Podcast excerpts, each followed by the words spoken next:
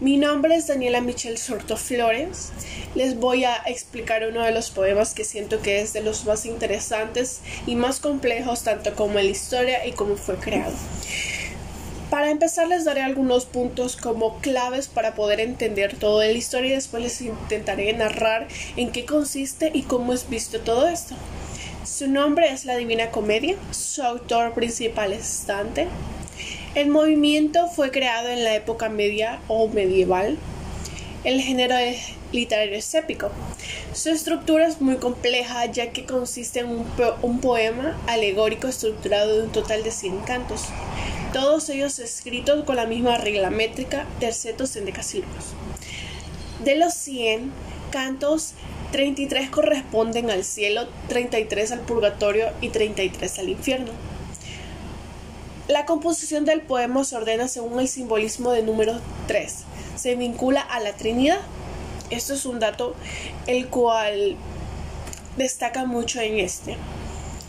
Para la Divina Comedia, Dante tomó inspiración de algunas tradiciones literarias que eran ampliamente conocidas en su época.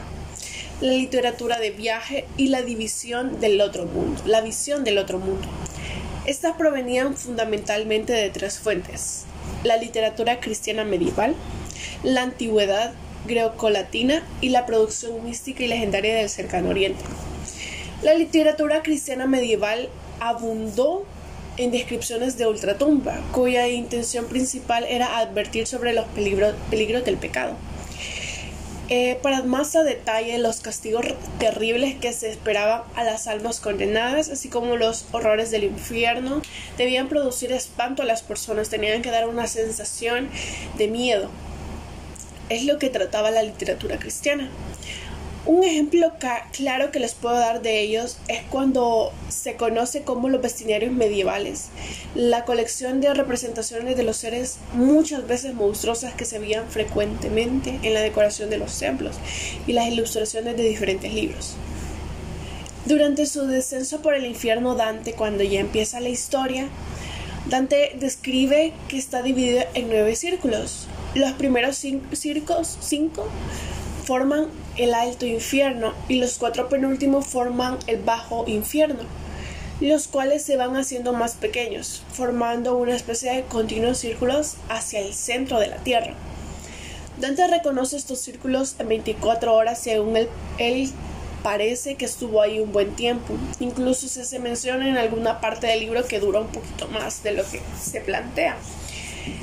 Eh, aquí es cuando Dante y Virgilio recorren el bosque lleno de pozos, despeñaderos, pantanos y arenales. Entran al primer círculo del infierno, donde Dante ve y describe muchos aspectos y características del mundo infernal. Eh, ahorita les voy a explicar en qué consiste como cada círculo que hubo o que cómo es narrado cada círculo y su perspectiva según la la narración de Dante. En el primer círculo, que es el limbo, conoce y ve las personas que no están bautizadas. También ve muchos filósofos y sabios poetas del mundo antiguo que se encuentran en ese también parte del infierno. Aquí Dante conoce el río del infierno, Aqueronte, el banquero Caronte, con el cual tiene una pequeña problema o disputa, la cual Virgilio con su toque de magia lo hace calmar. Eh, también Virgilio le comenta que ya han sido sacado de ahí el rey David, Noel, Abel y Raquel. El segundo círculo están los lujuriosos y personas que pecan utilizando el amor por bienes propios. Es el espacio de más dolor en el limbo. Aquí aparecen Minos, que eran rey de Creta, el cual presidia el infierno, dictaba sentencia a los condenados con los giros de su cola, señalando a qué círculo debería de ir. Eh, también encuentran a muchos reyes que fueron lujuriosos y a la vez utilizaron el amor para sacar provecho, como Cleopatra. En el tercer círculo está lleno de gulosos, dice Dante que es el lugar de lluvia eterna y maldita, y fría, aquí aparece Cerbero, que es un perro de tres cabezas, las cuales simbolizan la voracidad insaciable. Lo describe con barba gracienta y negra, el cual es calmado por Virgilio. El cuarto círculo están los avaros y derrochadores. Él preside el gran enemigo de la humanidad, el rey de la riqueza, Pluto. Entre ellos mismos hay choques y peleas. También aquí aparecen los papas y cardenales con el dinero de la iglesia que se hicieron avaros. Se encuentran bajo un manantial de aguas oscuras y pantano. El quinto círculo están los coléricos. Llenos de ira, aquí se encuentra la laguna Estigia, que es un pantano donde están las almas desnudas nadando con el lodo y del enojo se arrancaba la piel con los dientes. Después se enfrenaban con, los, con las córgonas llenando la ciudad del dite de las puertas de la ciudad. En el sexto círculo, a mí es el que me parece más interesante, pues Dante observa cómo los herejes están en sepulcros de fuego, un tipo de castigo muy severo. Dante es informado por Farinata sus infortunios y desdenes que tendrán durante su recorrido. Por Virgilio, su maestro estará ahí para guiarlo. El séptimo círculo está vigilado por minotauros. Este círculo está subdividido en tres círculos. Lago de sangre, aquí se encuentran las personas que mataron a otras, llenos de piedras y rodeados por un río inmenso de sangre. Por ejemplo, cada uno de estos círculos tiene almas que corresponden a cada uno, a cada uno de ellos, por ejemplo los espíritus malditos.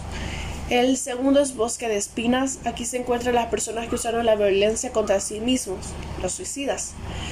Los violentos contra Dios, aquellos que pueden violentar contra Dios, contra otros y contra ellos. Injuriosos, insurreros, que nos habla sobre los homosexuales, que era un tema bien cerrado en esta época. Aquí se encuentra donde hierven los violentos y también los centauros. El octavo círculo se, condenaba en fosa a 10 diferentes tipos de fraudulentos, desde lo que vivían las mujeres en aquellos tiempos llamados gigoloes, los aduladores, eh, los adoradores de oro, los falsos magos, los estafadores, los hipócritas, los ladrones, malos consejeros, eh, discordia y falsificadores. Aquí encuentran a Gerión, que es el símbolo del fraude, la cual, el, cual los ayuda a pasar en aquel círculo. Aquí también el enfrentamiento de los, con los demonios. El noveno círculo se encuentran los traidores. En la entrada, como dos grandes torres, se encuentran los gigantes Ticio y Tifeo, los cuales lucharon en contra de Júpiter y fueron vencidos. En esta obra, el uso de la ironía que se manifiesta en toda la novela. La parodia referida tanto a los libros de caballerías como a textos o instituciones religiosas. De ahí parte la comicidad y humor de la obra. También es importante destacar la gradación ascendente del motivo del hambre en los primeros capítulos, en la cantidad de simetrías y contrastes esparcidos en el relato. El estilo de toda la novela es excelente, pues esta pienso que muestra elegancia y un aspecto diferente en cuanto a la literatura, su estructura que está muy bien pensada, todos los círculos, todo lo que conlleva, cómo es visto el infierno desde un punto de vista humano, literario, claramente ficticio.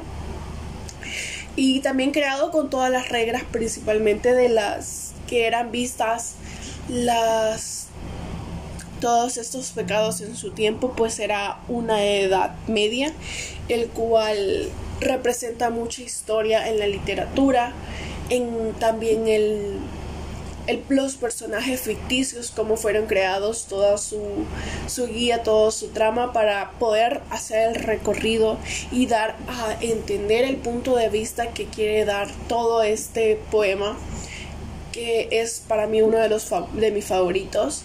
Y el uso de jergas y abunda el ejemplo eficaz de recursos estilísticos en beneficio de una liberada economía expresiva. Y esto es todo sobre este podcast. Espero que les guste.